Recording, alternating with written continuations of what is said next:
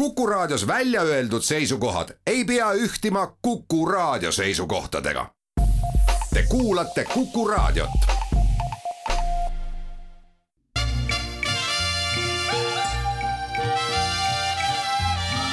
välismääraja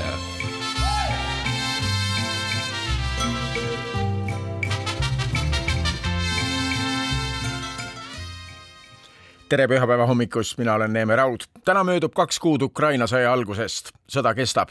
Ukrainasse saabuvad täna visiidile USA välis- ja kaitseminister. Ühendriigid jätkavad selles sõjas Ukrainale üha suurema ja võimsama sõjalise abi andmist.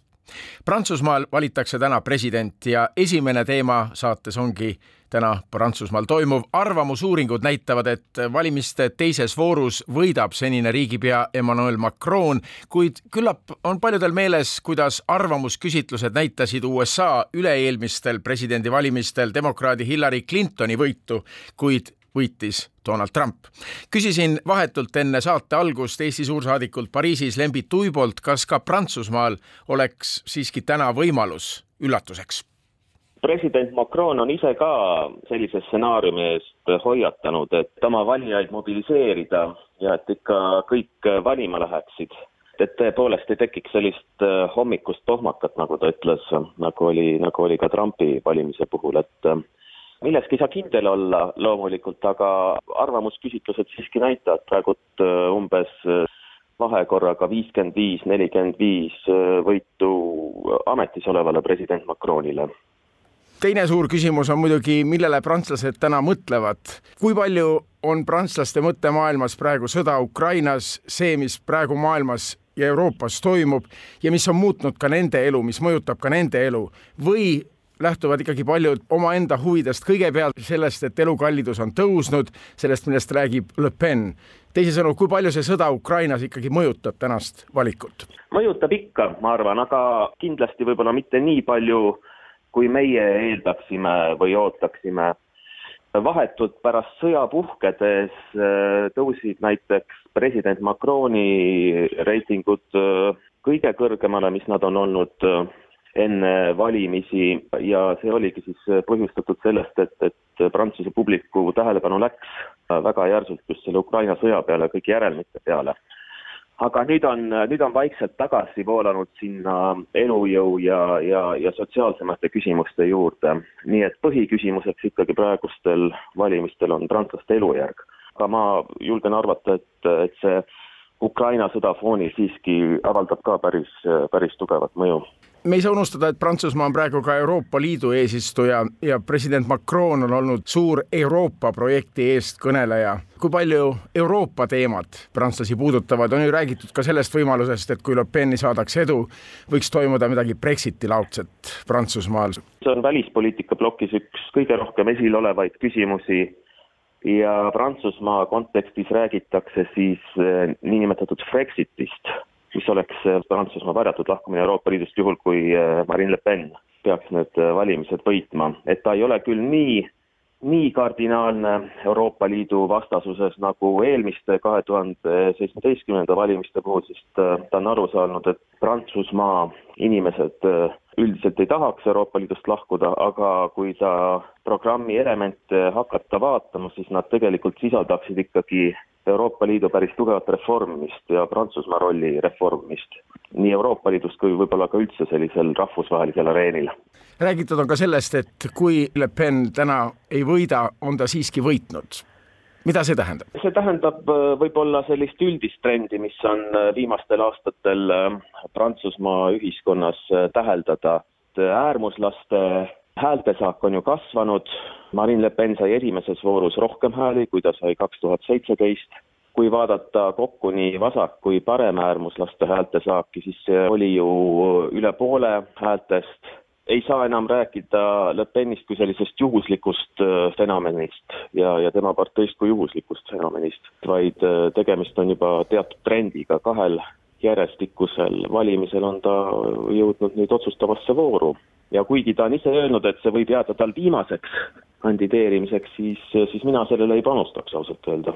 ja Prantsusmaa ning NATO, Prantsusmaal jälgiti eelmise aasta lõpul, kui, kui me tegime pikema intervjuu väga tähelepanelikult seda, mida teevad Prantsuse sõdurid Eestis NATO jõudude raames. Le Pen on võtnud NATO sõnal väga kõlavalt sõna, aga Macron on ju NATO-st rääkinud, et NATO-t tuleks reformida, samas meie partnerlus NATO raames ja ka laiemalt Prantsusmaaga, kui mõelda Malile, on ka sõjaline. kui palju sellest räägitakse, et Prantsusmaa suurim väekontingent välismaal on praegu just siin Eestis? tõepoolest, kui Le Pen peaks võitma, siis, siis ka seal tuleksid korrektiivid, sest ta on lubanud äh, Prantsusmaa NATO sõjaliselt integreeritud juhtimisest välja viia, mis mõjutaks tõenäoliselt ka prantslaste kohalolu näiteks äh, Eestis selle NATO raamistikuga seoses. kui jätkab president Macron, siis ma arvan, on äh, NATO rindel meile kindlasti head uudised, sest et prantslased on väga tähtsustanud just nüüd ka Ukraina sõja kontekstis NATO rolli ja see varasem retoorika, mis tõesti oli, ütleme, kui siin mõni aasta tagasi president Macron ju ütles, et äh, NATO on ajusurmas, siis, siis praegu prantslased räägivad, et NATO on oma rolli taas leidnud sellise kollektiivkaitse funktsiooni, mis ongi NATO põhiroll ja, ja rõhutavad just praeguses keerulises julgeolekuolukorras NATO olulisust. Lembit Uibo, Eesti suursaadik Prantsusmaal kõneles. jätkame samal teemal, meie Tartu stuudios on Merili Arjakas, Eesti Välispoliitika Instituudi nooremteadur, tere hommikust!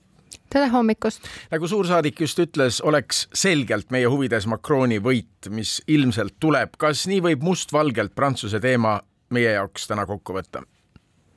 kui seda mustvalgelt tahad tahta teha, siis tõepoolest Macroni puhul me saaksime näha minimaalselt senise Prantsusmaa välispoliitika jätkumist, ehk siis tugevat survet sellele, et Euroopa Liit ikkagi toetaks Ukrainat, võib-olla me näeksime isegi seda surve veel suuremat suurenemist.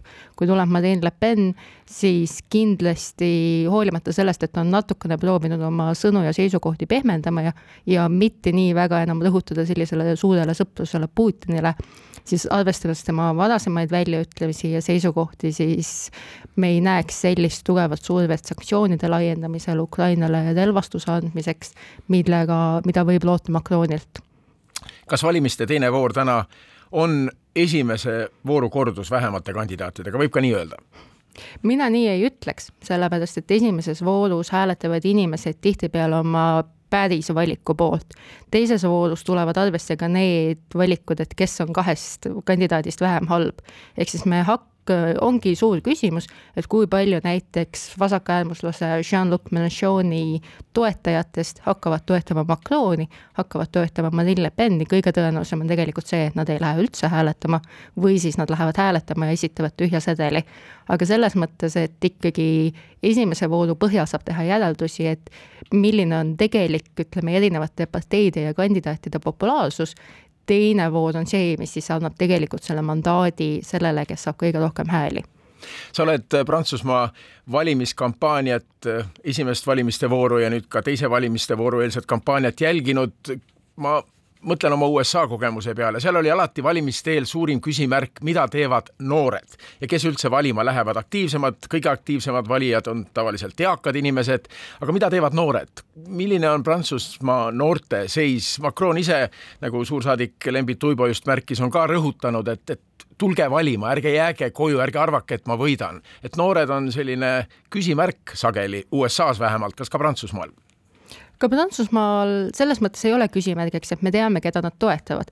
peamine probleem on see, et paljud noored tegelikult lihtsalt arvavad, et nende häälel ei ole kaalu ja nad ei lähegi üldse välja hääletama. no vot, seesama on ka Ühendriikides seesama, et noored lihtsalt otsustavad, et me ei vali, no niikuinii valitakse meie kandidaat ära, me teame, keda nad toetavad tõesti. Nad toetavad, ülekaalukalt toetati Jean-Luc Mélenchoni seejärel toetati ka Macroni ja Marine Le Peni. on huvitav näha, et Macron, kes on Prantsusmaa kõige noorem president, on kõige populaarsem kuuskümmend viis pluss elanikkonna seas. Ja siis noored on rohkem kaldunud erinevatesse äärmustesse, aga loomulikult Macron oli kas teisel või kolmandal kohal ka kõikide noorte eagruppide seas, eks me ei saa öelda, et sellisele tsentrile ei ole noorte seas mingisugust toetust ma olen ka Eesti poliitikaanalüütikatega valimiste, Prantsusmaa valimiste eel rääkinud sellest, et need valimised on mõneti näiteks, kas poliitikamaailmas suurriikides jätkub ikkagi tsentris või on ta nihkunud ka äärmustesse, Ühendriikides on väga selgelt näha, kuidas kaks äärmust, nii parem kui ka vasak äärmus praegu riiki suunavad. Macron on tsentristlik kandidaat olnud ja tema võit tähendaks ikkagi seda, et, et tsentripoliitika maailmas jätkub. kuidas sa seda näed? See oli eriti selgelt näha eelmistel valimistel, kui Macron võitis kohe pärast Donald Trumpi võitu ja Brexitit, et siis see oli ikkagi suureks võiduks sellisele liberaalsetele tsentripoliitikutele.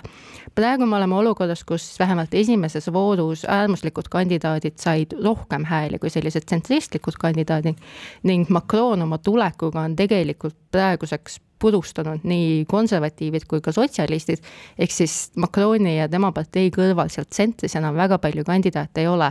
ja kui me vaatamegi, mis siis võib saada näiteks viie aasta pärast, et kui täna läheb nii, et Macron võidab, siis viie aasta pärast enam tagasi kandideerida ei saa ning praegu ongi siis tsentril hakkab see aeg jooksma, et kas nad suudavad viie aasta pärast tulla välja sellise uue kandidaadiga, kes suudab kõik need äärmustesse jooksnud inimesed hakata nagu keskpõrandale neid tagasi tooma viie aasta pärast jah, võib äh, maailmas olukord olla sootuks teine, me ei tea, kes on USA president, Ameerika valib presidenti kahe ja poole aasta pärast, Donald Trumpi võit siis ei ole sugugi välistatud, kui ta otsustab kandideerida, nii et äh, arengud määravad kõik, aga räägime Macronist, kui ta viis aastat tagasi Prantsuse suurpoliitikasse astus, oli ta juba oma nooruse tõttu, ta oli kolmekümne üheksa aastane, üsna erandlik figuur ja erandlik ka Prantsuse poliitikas, kuna ta oli loonud ju omaenda poliitilise hoova, mil oli ka parlamendis otsustav hääl. Macron lubas siis uljaid reforme, muuhulgas Prantsusmaa üsna paindumatu tööturu muutmist, mida on siis suutnud seni? Seda on ta selles mõttes tõesti suutnud, et kui siin paar päeva tagasi peeti debatt Macroni ja Marine Le Peni vahel, siis Macron kasutas võimalust ära ja õnnitles Marine Le Peni, et Le Peni programmis ei ole kordagi mainitud sõna tööpuudus, sellepärast et Macroni viie aasta jooksul on Prantsusmaa tööpuudus saavutanud nagu harukordselt madala taseme ja samuti tegeles ta maksude kärpimisega, on teinud muid majandusreforme, mis muudaksid sellise äritegevuse, ettevõtlustegevuse Prantsusmaal lihtsamaks kohati on see loomulikult tal niimoodi toetajaskonda selja tagant ära viinud, sellepärast et viis aastat tagasi tuli ta täiesti uustulnukana, kelle vaateid ja kes rääkis ilusaid suuri sõnu, kelle vaated ei olnud võib-olla nii konkreetselt isegi selged. ja väga paljud inimesed tundsid, et ah, et Macron ongi minu eestkõneleja. ja siis, kui ta pidi tegelikult valitsema hakkama, hakkas neid reforme tegema, siis meil siin Eestis vaadates mõtleme, et see on ju täiesti normaalne, et äritegevusel on teinud võimalikult lihtsaks ja ja muud moel üritatakse majandust turgutada, aga Prantsusmaal ollakse harjutud väga tugevate riigi toetustega, ollakse harjutud sellega, et pensioniiga on võrdlemisi madal ja nad ei tingimata, neil on selline üsna tugev ka vasakpoolne liikumine, kes ei ole selliste Macroni reformidega rahul. ongi huvitav näha, et selliste praegustele valimistele Macron läks tegelikult lubadusega hakata tõstma pensioniiga, mis ei ole ju selline lubadus, mida poliitikud tavaliselt enne valimisi tahaksid välja käia ja viimane teema, mida tahaksin siinkohal käsitleda, Prantsusmaa suhted Venemaaga, mõlemal tänasel kandidaadil on oma Venemaa lugu, Le Penil laenud Venemaalt, Macron on püüdnud olla vahendaja Vladimir Putini ja maailma vahel. sa oled kindlasti jälginud, kui palju Vene kaart täna Prantsusmaa laual ikkagi on? Nagu enne suursaadik kirjeldas, siis mõnes mõttes vähem, kui võiks arvata, et väga palju selles kampaanias on ikkagi keskendutud siseriiklikele küsimustele. Le Pen ise üritas seda Vene ka, Vene sõbralikkust ka natukene alatähtsustada või pisemaks muuta ja oli näha, et see suurim Vene kriitika või ütleme, Vene sõbralikkuse kriitika tabas tegelikult Erik Semuri ehk siis äh, Le Penist veel parempoolsemat kandidaati. see on selles mõttes kindlasti oluline teema, et et äh, me, me näeme väga suuri ideoloogilisi erinevusi kahe kandidaadi vahel. Ja praegu Prantsusmaa elanikkond ikkagi selgelt toetab Macroni tegevust ja siin arvamusküsitlused on näidanud, et umbes, ma ei tea, kolm, märtsis kolm protsenti prantslastest ütles, et nad toetaksid Venemaad ja kolm neljandikku neist toetavad Ukrainat aga Macroni selline süstik diplomaatia Putiniga, kui palju see on prantslastele muljet avaldanud? nagu suursaadik enne välja tõi, et siis, kui see süstik diplomaatia ja telefonikõned pihta hakkasid, siis sellel hetkel kerkis Macroni populaarsus ka kõrgust, ehk siis prantslased üldiselt kiidavad ikkagi presidendi tegevuse heaks et nad arvavad, et see on üks viis, kuidas nii Prantsusmaaga kui ka Euroopa Liit on võib-olla natukene selline maailma areenil tugevam tegija. et see on ju see, mida Macron on väga palju eest kõnelenud, et oleks, et mitte ei oleks võib-olla Prantsusmaa rahvuslik poliitika, aga et Prantsusmaa saab oma huvi, huvisid ellu viia läbi Euroopa Liidu kanalite. ehk siis, aga samal ajal nagu nad rõhutasid, et tema käib ikkagi Venemaal ja Macroni, Macron käis Venemaal Prantsusmaa presidendina, mitte mingisuguse Euroopa Liidu eestkõnelejana. Merili Arjakas, Eesti Välispoliitika Instituudi noorem teadur oli meie Tartu stuudios, aitäh Merili, ilusat pühapäeva ja täna õhtul siis selgub, kellest saab Prantsusmaa president.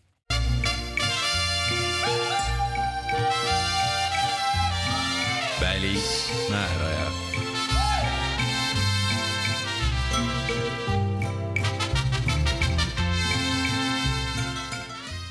Ukrainas on sõda kestnud kaks kuud, sõja alguspäevil püüdis kogu lääne meedia, ka meie ajakirjandus otsida vastust küsimusele, millele vastust ei olnud. mis toimub president Putini peas?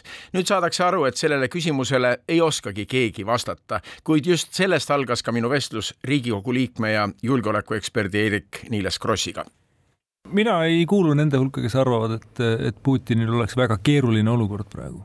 mõnes mõttes kindlasti tajub sõjastressi niivõrd-kuivõrd või saab aru, et, et on nagu otsustav aeg.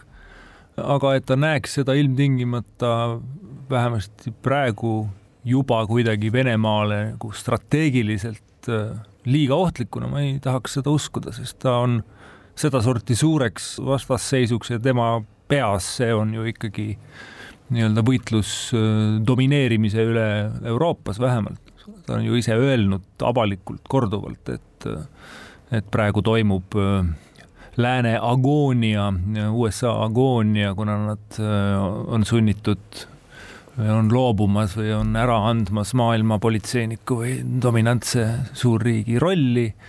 Ja Venemaa peab siin oma võimalusi kasutama, no nüüd ta kasutab seda võimalust, jah sanktsioonid, jah, teatav rahulolematus sellises keskklassi seas või ka nagu Moskva-Peterburi eliidi seas kindlasti, kes, kellel on läänega suhted.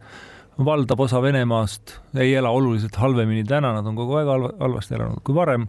propagandamasin töötab väga hästi, Putin kindlasti ka ise usub, see on natuke see Trumpi efekt, et ta vaatab kogu aeg seda omaenda televiisorit ja näeb sealt, kuidas ta on tark strateeg ja võimekas ja kõigist peajagu üle et noh, et juba sõja alustamine viitab sellele, et ta on seda uskuma jäänud, nii et ma usun, et Putin ise no on ebaedu pärast võib-olla vihane, laseb mõned kindralid lahti, aga laias laastus öö, on ta otsusekindel ja kavatseb jätkata aga küsimus, mis toimub Putini peas just selles võtmes, et mis saab edasi, milline saab olema siis see lõppmäng, üheksas mai läheneb, ilmselt kavatsetakse midagi suurejoonelist, no üheksandal mail Moskvas toimub sõjaväeparaad, see on raudselt selge.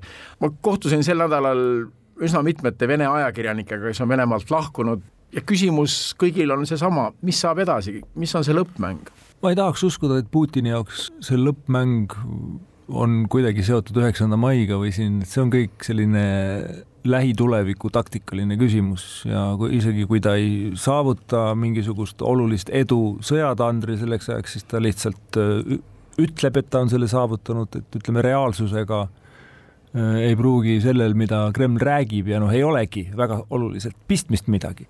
Äh, et küll ta, küll ta midagi ütleb, telekas näitab seda, mida vaja. nii et tema jaoks see lõppmäng on arvatavasti otsustamata, eks ta võtab nii palju, kui saab see ongi see lõppmäng, ta, ta jätkab nii kaua, kuni tal lastakse jätkata. Washington Posti kolumnist David Ignatius, kes on nende ameeriklaste seas, kellele Venemaa sulges sissepääsu riiki, neid ei olnud palju, see oli üks kolmkümmend tükki, see oligi hämmastav, et ta kirjutas just, et, et ka tema on nende seas, ta kirjutab sel nädalal, et Biden ja Putin tegid mõlemad avaldusi sõja kohta sel nädalal ja mõlemad rääkisid ka piiridest, mis mõlemad on seadnud, et Putin ei, ei räägi enam terve Ukraina vallutamisest ja Biden ka kuidagi alltekstina viitab sellele, et USA on nagu leppimas võib-olla ühel hetkel sellega, et mingi osa Ukrainast jääb Venemaale. selline vastastikune sõnumite saatmine käib, mida külma sõja ajal nimetati ingliskeelse terminiga agreed battle, kokkulepitud lahingutegevus iseenesest üldse suur küsimus, et kui palju mingites piirides algusest peale Washingtoni ja Moskva vahel on, on noh, kas kokku lepitud või kui palju neid on kombitud ja kui palju on vastastikku kommunikeeritud, et eh, neist on aru saadud. mingil määral tundub, et see niimoodi on. võib-olla väiksem asi, aga väga selgelt on Washington öelnud korduvalt, et küberrünnakud lääneriikide infrastruktuuri vastu on lubamatud, nendele tuleb vastulöök, seda on korduvalt jõuliselt heidutatud. Neid ei ole toimunud, märksa vähem jõuline on olnud äh, heidutus äh, Ukraina suunas, eks ole. algusest peale on Biden rõhutanud paljude jaoks arusaamatult, et mitte mingil juhul USA ei sekku otseselt Ukrainas, Ameerika sõdurid ei sekku, Ameerika ei sõdi. vähemasti pealispindselt jääb mulje, et mõneti juba enne sõda algas see koreograafia, Venemaa pani oma väed välja demonstratiivselt küllaltki, eskalatsioon toimus, noh, kogu maailmale oli näha, et kakssada tuhat meest koguneb. seda ei olnudki muidugi võimalik varjata, aga seda minu arvates ka ei tahetud väga varjata.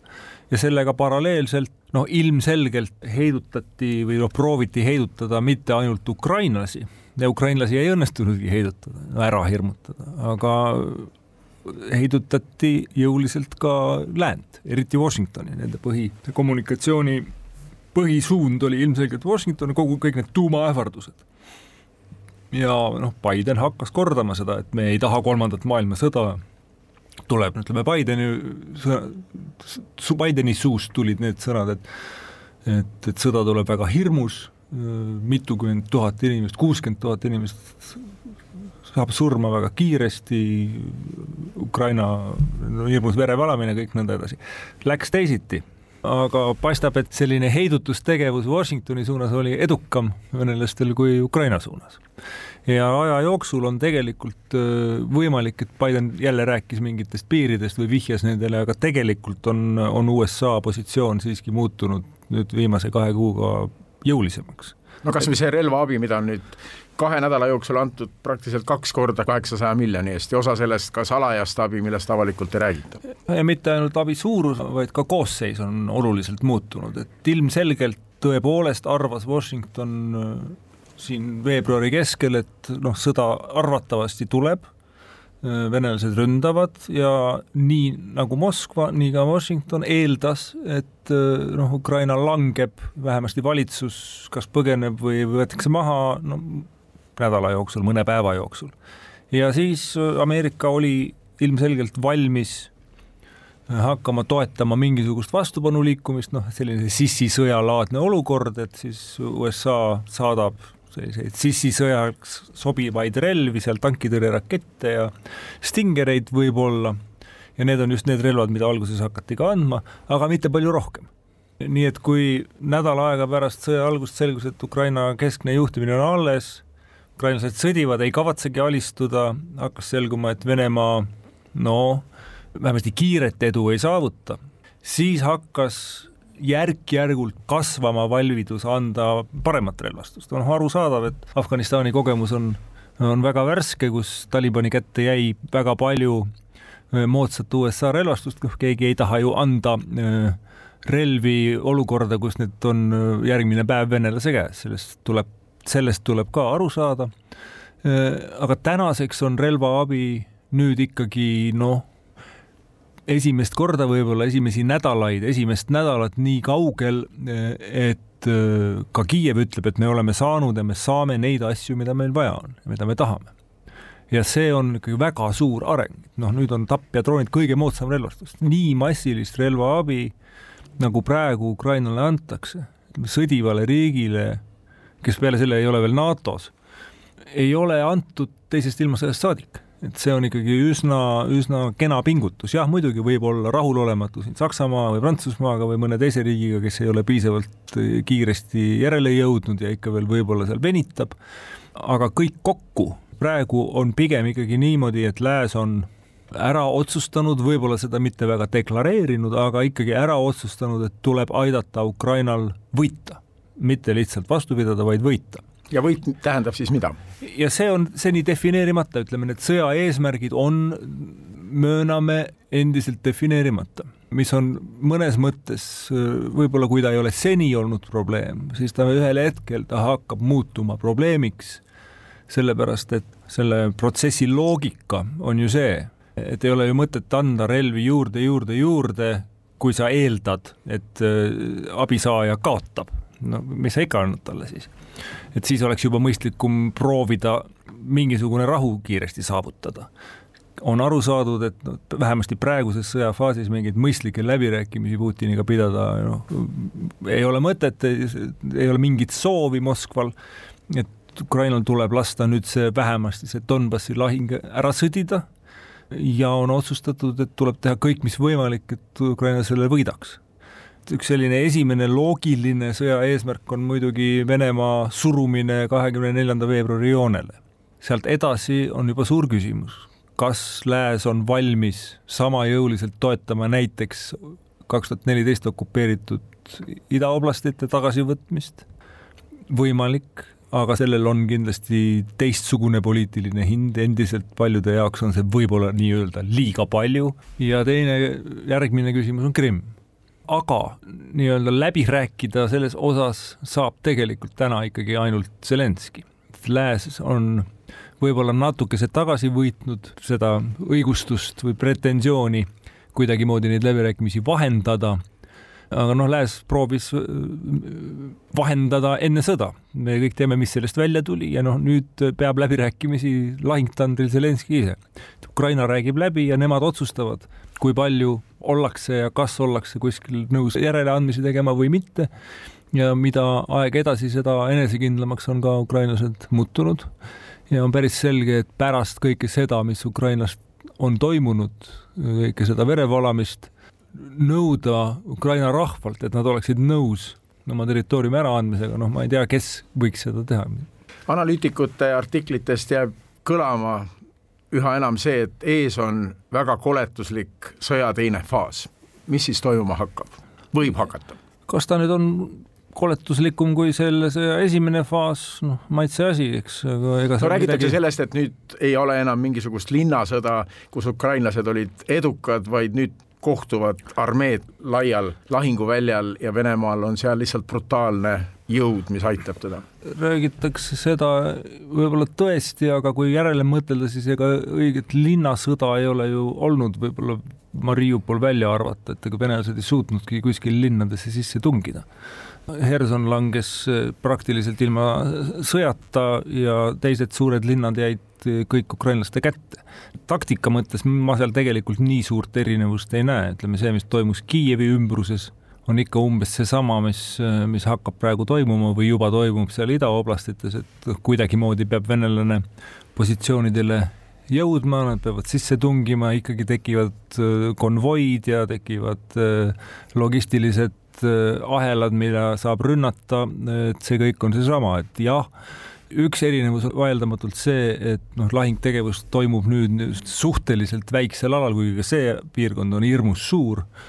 Venelastel on juhtimine nüüd ilmselt kontsentreeritum, et on üks sõjakomandör, kes siis kogu seda Donbassis toimuvat kavandab.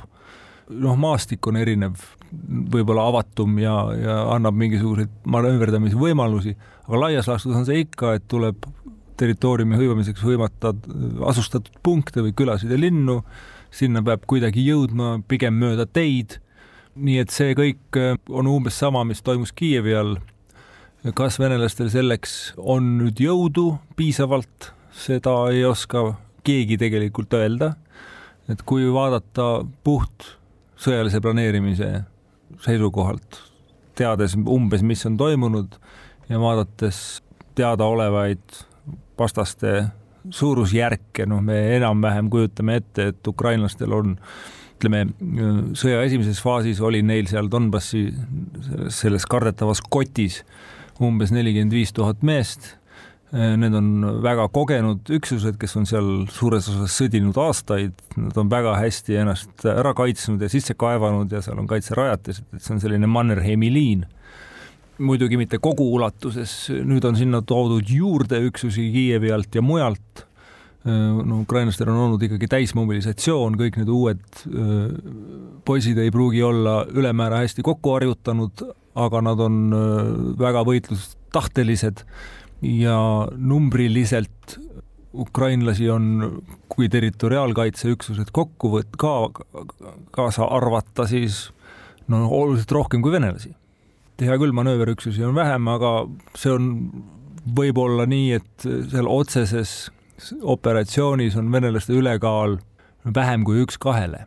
iga õpik ütleb, et selliseks territooriumi haaramise operatsiooniks peab olema ülekaal vähemalt üks kolmele, et seda neil ei ole. teiseks on suur osa nendest uutest üksustest, venelaste omadest, toodud sealtsamast Kiievi alt. no nendest pooled on kõvasti kannatada saanud, neil on palju langenuid, tehnika on olnud sõjas juba tükk aega, see tegelikult vajaks väljavahetamist, remontimist, need üksused tuleks täiesti restruktureerida. selline restruktureerimine peaks võtma mitu kuud nüüd ilmselgelt on poliitiline surve Moskvast, noh, see on tõenäoliselt see Dvornikov ehk venelaste kindral on umbes samasuguses olukorras, nagu olid Saksa kindralid Kurski lahingus, et või Stalingradi lahingus, et Hitler sundis ja tuli tegutseda liiga kiiresti. sellest tuli ka Stalingradi kaotus muide, nii et eh, tegelikult eh, loogika ütleks seda, et venelased peaksid praegu veel üks kuu aega eh, valmistuma ja paistab, et seda nad ei tee. Nad ei ole suutnud korraga neid uusi üksusi sinna viia, vaid neid niimoodi järk-järgult tuuakse sisse. Nad praegu on, no Lavrov teatas siin paari päeva eest, et nüüd on alanud see kuulus teine faas, kõik on oodanud sellist massiivset laialdast rünnakut. on tõsi, et rünnakud on intensiivistunud siin-seal. aga kui see, mis praegu viimased paar päeva on toimunud, ongi see massiivne rünnak, siis äh, ütleme, liiga muljetavaldav see ei ole, et seni nad ei ole oluliselt läbi murdnud, neil piis-, on arvatavasti piisavalt jõudu, et siin-seal teha mingisuguseid taktikalisi edusamme. ja kindlasti jätkub väga massiivne suurtükituli, kõik see, aga ütleme näiteks, kui vaadata Vene lennuväe kaotusi, siis viimastel päevadel on see päris oluliselt kasvanud eile lasid ukrainlased vähemasti enda väitel alla vist viis Vene lennukit. Need moodsamad, paremad relvad hakkavad sinna jõudma, nii et ma ei näe praegu vähemasti mingisugust ukrainlaste kiiret kaotust. kas sealt hakkab tulema võit, noh, see, seda on vara ütelda, et venelased on väsinumad arvatavasti, kui nad varem olid ja neil on piits taga, et nad peavad punnitama aga kui ukrainlased paar nädalat seal vastu peavad, siis peaks venelastel jälle võhm väljas olema. Putin läheb nii kaugele, kui tal minna lastakse ja järjekindlalt ja venelased on ju üsna tuntud selle poolest, et nad väga inimelusid ei loe ja võivad nürimeelselt ja, ja järjekindlalt ikka ja ikka pressida.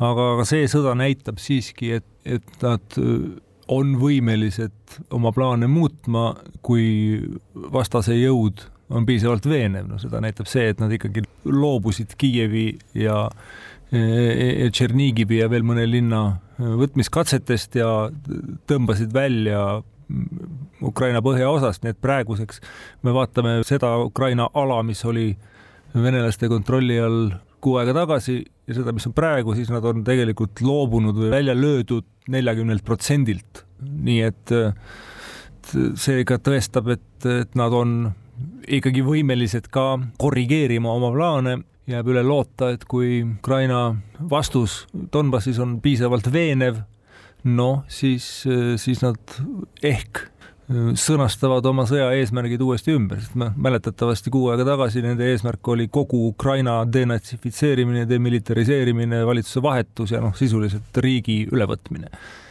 täna on nad öelnud, et tegelikult nende eesmärk on Donbassi vabastamine, on siis äh, idaoblastite okupeerimine kogu piirides pluss äh, Krimmi ja Donbassi vahele maismaakoridor ehk siis Aasovi mererannik ja no räägitakse ka Odessast, ütleme, et Ukraina merest eraldamine.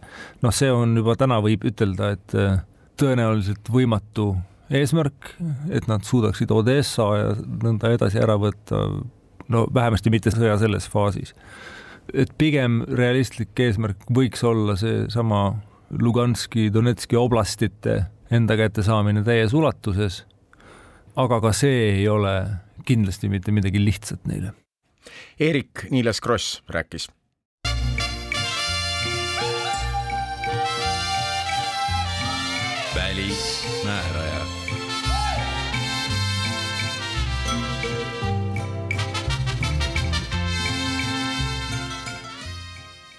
Eerik-Niiles Kross märkis eelmises intervjuus, et Ukraina sõda ei ole eriti nähtavalt ja jõuliselt jõudnud seni küberruumi. on see nii? küsisin Välisministeeriumi küberdiplomaatia osakonna peadirektorilt Tanel Sepalt. ma kohati nõustun Eerik-Niiles Krossiga ja kohati ei nõustu ka. ma ei nõustu selles osas, et midagi justkui nagu küberruumis ei toimuks. toimub küll ja pidevalt. esiteks senikaua, kuni küberruum annab võimaluse kurjategijatel mingisugust raha välja petta, siis sellised küberrünnakud alati toimuvad. Nende rünnakute vastu meil mingit head äh, rohtu ei ole, kui et iga inimene peab ise oma küberhügieeni eest hoolitsema, ei kliki suvalistele linkidele, on, on ettevaatlik. kui ka organisatsiooni tasemel, et oleksid vastavad äh, küberkaitsemeetmed paigas. ja tegelikkuses nüüd ka Ukraina osas, ma olen ise mõelnud selle peale, et kui me võtame kogu Ukraina sõja ja kui me justkui kunstlikult eemaldaksime need, need tankid, need püssid, siis tegelikkuses küberruumis on ka üsna palju toimunud. lihtsalt meie tähelepanu on olnud reaalsel sõdimisel ja ka õigustatult, sest äh, mängus on inimelud. natukene lihtsustatuna öeldes, et, et pommilehter haigla kõrval on palju suurema mõjuga kui abstraktse e-teenuse mahavõtmine ja ma alati kordan, et tänases päevas see ongi õige, et me mõtleme eelkõige sellele, kuidas ukrainlased ellu jäävad. mida me kindlasti tulevikus peaksime tegema, kui nüüd olukord Ukrainas rahuneb, on see, et me peaksime korra vaatama otsa sellele, et, et mismoodi me ise oleme varasemalt eeldanud, et, et nüüd tänapäevane sõda käib ja mismoodi tegelikult Ukrainas on toimunud. meediast on ka läbi käinud näiteks kahekümne neljanda veebruari äh, satelliidirünnakud kübermeetmetega. ja see lahti seletatult tähendab siis seda, kuulsin sellest just äh, Silicon Valley's räägiti Räniorus mulle, et Venemaa lihtsalt halvas suure osa satelliitsidest, aga, aga kuidagi avalikkuse tähelepanu ette see, selle ulatus ei jõudnudki eriti. ei ole jõudnud jah selle juhtumi osas ei ole tehtud väga palju avalikke omistamisavaldusi vaatame, mis aeg toob, võib-olla tehakse, aga ma ei... aga põhimõtteliselt toimus see, et Venemaa lihtsalt võttis mingid süsteemid maha oma häkkerite abiga? jaa, alustati kommunikatsioonisüsteeme ja see läheb väga hästi kokku kogu sellise nagu moodus operandiga, et kui sa sõda alustad, siis äh, kommunikatsioonide mahavõtmine on üks neid elemente, mida sa kindlasti tahad teha. nii et Venemaa tõesti kasutas kohe alguses ka küberrinnet oma sõjategevuses, aga nagu ütlesid, jäi see meile kuidagi märkamata. vaata, küber, kübermaailmas on natukene keerulisem näpuga näidata, et kes mida tegi. esiteks, kui midagi juhtub, siis me peame alati vaatama, et kas see oli lihtsalt mingi tehniline apsakas või oli tahtlik küberrünnak või lihtsalt mingi inimlik viga. selle väljaselgitamine võtab natukene aega ja teine pool siit on see, et kuidas me lõpuks ikkagi aru saame, kes selle taga on. ja siin mina mõtlen küll selles valguses, et tuleb vaadata motivatsiooni. kui see on tõesti pahatahtlik tegevus, et mis see, mis selle taga on? ja selle põhjalt on tõesti väga loogiline järeldada, et Venemaa oli, oli ka selle rünnaku taga. aga nagu ütlesid, teie sfääris, teie ringkonnas kasutatakse seda terminit omistamist ei ole veel toimunud? nii on, aga erinevate riikidega teeme ka koostööd selles osas, vahetame informatsiooni, vahetame ka kogemusi. omistamine teema, kus, kui üksik riik teeb midagi siis eh, see võib jääda lihtsalt poliitiliseks avalduseks. küsimus on selles, et kas me suudame mingi suurema koalitsiooni kokku panna, et sellel omistamisavaldusel oleks ka mõju ja kui on tõesti väga karm juhtum, et, et siis oleks ka mingisugune reaalsem reageering. Euroopa Liidul siin näiteks on, on olemas küberdiplomaatia tööriistakast ehk siis eh, kogum meetmetest, mida siis kollektiivselt saab ette võtta, olgu need poliitilised avaldused aga me räägime siin ka sanktsioonidest. nagu mul meeles on, Eesti aitas seda ju oma eesistumise ajal koostada, just nimelt seda tööriistakasti. sellepärast, et äh, küberrünnakutele reageerimine on väga oluline ja me oleme ise seda ju läbi kogenud, kui noh, kaks tuhat seitse oli küll viisteist aastat tagasi ja siis äh, tollal oli, olid need küberründed Eesti süsteemide vastu nii uudsed, et, et rahvusvahelisel tasandil kellelgi polnud aimugi, kuidas reageerida. Siis äh, jah, meie väga, olime väga palju selle taga, et, et leida need viisid. Aga ikkagi need müstilised mõjuvõimsad Vene häkkerid, kes suutsid USA valimiste eel sealsetesse süsteemidesse siseneda, neid häkkereid, nojah, võib-olla üksikuid rünnakuid siin-seal märkame, ka sel nädalal räägiti ju, et Eesti süsteemidesse, Eesti riiklikesse süsteemidesse püüti häkkida ja, ja neid teovõimetuks teha mõneks ajaks, aga kus on need Vene häkkerid siis oma mõjuvõimuga või ootavad nad oma aega veel? aga neist räägiti ju nii palju, et, et häkkimise alal on Venemaal küll mõju olemas ja jõud olemas. jah, ja ma olen jah, siis mis? ma olen veendunud, et see jõud on endiselt alles. alustame kõigepealt Ukrainast. Ukrainas, mida Venemaa teeb, on, on eelkõige see, et, et ta üritab füüsiliselt hävitada taristut. see on palju mõjusam. kui hävitad kommunikatsioonitaristu või, või pommitate mingit serveriruumi, siis see kõik tuleb hiljem taastada ka füüsiliselt. et ei ole see, et, et, et lõpuks sa taastad mingisuguse seadme algse seisu ja, ja ehitad sinna uue süsteemi üles, ei, sa pead, sa pead uued serverid hankima, sa pead äh, väga palju ressurssi kulutama. ja selles mõttes nagu polegi mõtet väga küberiga rünnata. ja, ja siin me peame arvestama sellega, et äh, võib-olla mingisuguseid äh, ründeelemente veel hoitakse sahtlis. juhuks, kui olukord läheb veel hullemaks või kui äh, nähakse, et nende kasutamiseks on just see õige aeg me oleme väga ettevaatlikud, loomulikult. kui sa mainisid neljapäeval toimunud rünnakuid, see on tegelikult väga hea näide. Tallinnas äh, toimus äh, Lock Shields õppus, mis on maailma suurim komplekssem küberõppus, mida korraldab NATO Küberkaitsekoostöö Keskus ja mis toimub iga-aastaselt. Ja see on ka just tehniliselt üsna keeruline õppus, et, et sellega me näitame suunda ka maailmas Venemaaga seotud äh, rühmitus äh, Killnet siis teostas äh, teenustõkestusrünnakud erinevate Eesti veebisaitide vastu. aga see mõju oli tegelikult väga väike. ja sellepärast me nendest rünnakutest ka väga palju ei räägi praegu.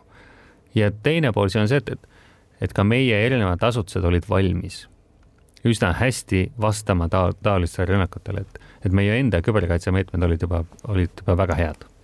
Aga Tanel, kui sa juba stuudios oled, räägiks natukene ka Aafrikas, sa olid pikka aega Eesti diplomaat, kes töötas Aafrika Liidu juures. Etioopias, ilmselt jälgid sa seda maailma jagu jätkuvalt tähelepanelikult. Kuidas see sõda Aafrikas peegeldub? oleme lugenud seda, et, et osa Aafrika riike on Venemaa poolel või kaitsevad Venemaad teised jälle mitte, samas kuulen diplomaatidelt, kes Aafrikas töötavad, et kardetakse näljahäda tänu sellele, et Ukrainast ja ka Venemaalt teravilja eksport ilmselt on halvatud. kuidas Aafrikas seda kõike nähakse? see on huvitav küsimus no see on väga suur küsimus, ses mõttes, et Aafrika on ikkagi väga suur, viiskümmend neli riiki.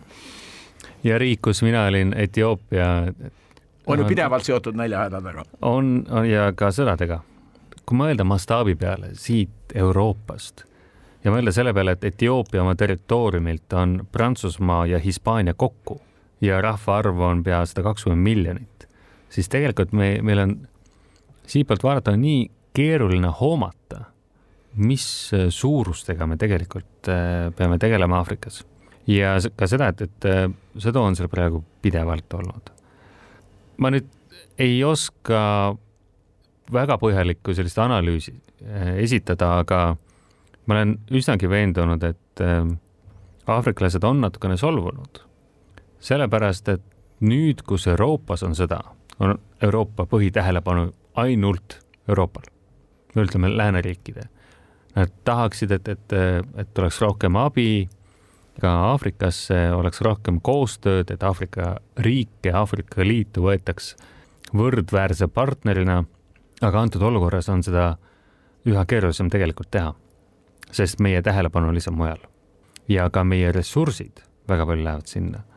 ja seda eriti olukorras, kus, nagu sa ütlesid, tänu vähenevale Ukraina viljaekspordile eh, muutub eh, toiduolukord eh, eriti keeruliseks just Põhja-Aafrikas, ka tulenevalt kliimast ja kliimamuutustest, kus on rohkem põuda, mõnedes kohtades, kus on ka kliimast tulenev migratsioon. see probleemide müriaad, mis, mis Aafrikas on, on, on, on on ikka paras pähkel närida aafriklased on pisut solvunud, samas võib küsida ka nii või mõelda ka nii, aga mis see meile korda läheb, mida nemad seal arvavad sellest, mis toimub siin Euroopas. see on sõda ikkagi meie kontinendil ja me tegeleme loomulikult sellega. samas olin sel nädalal just Hispaanias, kus räägitakse väga valjul häälel sellest, et ilmselt on oodata just Aafrikast ja osalt tänu sellele sõja tõttu laienevale näljahädale uut põgenikelainet, Euroopa peab selleks valmis olema ja korraga vot seal Hispaanias hakkasin ma mõtlema, kuivõrd me oleme kõik omavahel seotud. ja, ja, ja Aafrikas äh, mõeldakse endiselt kolonialismi taaga peale. väga palju süüdistatakse lääneriike, neid vanu koloniaalriike, mismoodi Aafrika hõimude ja, ja tollaste riikidega on käitutud. seda, seda kuulsin ma Etioopias äh, just poliitilisematel kohtumistel üsna palju et selline, selline taak on endiselt alles, me küll mõnikord mõtleme siin Euroopas, et see on juba ajalugu, et, et et jah, me oleme mõningaid poliitikaid läbi aastate halvasti rakendanud ja me oleme justkui nagu Aafrikas tekitanud abisõltlase. aga Aafrikas on väga palju, väga palju häid ideid, väga palju ka sellist reformimeelset või edasiviivat jõudu ja kui me anname nendele inimestele rohkem võimalusi edasi minna, siis me anname ka palju suuremaid võimalusi Aafrikale endale, suuremat kuidagi jalgealust tekitada, et, et nad suudaksid maailmas paremini hakkama saada. ja see nüüd puudutab küll otseselt meie tulevikku, meie julgeolekut, sest peame ju alati vaatama, miks me räägime põgenikest ja just Aafrikast Tanel Sepp, Välisministeeriumi küberdiplomaatia osakonna peadirektor, rääkis. välisuudiste poolest tuleb täna tihe päev, Prantsusmaa presidendivalimised muidugi, aga ka USA juhtkonna seni kõige kõrgemat tasemelisem visiit Ukrainasse, täna peaksid seal Ukraina presidendi sõnul olema Ühendriikide välis- ja kaitseminister. välismääraja aga lõpetab, mina olen Neeme Raud, peatse jälle kuulmiseni.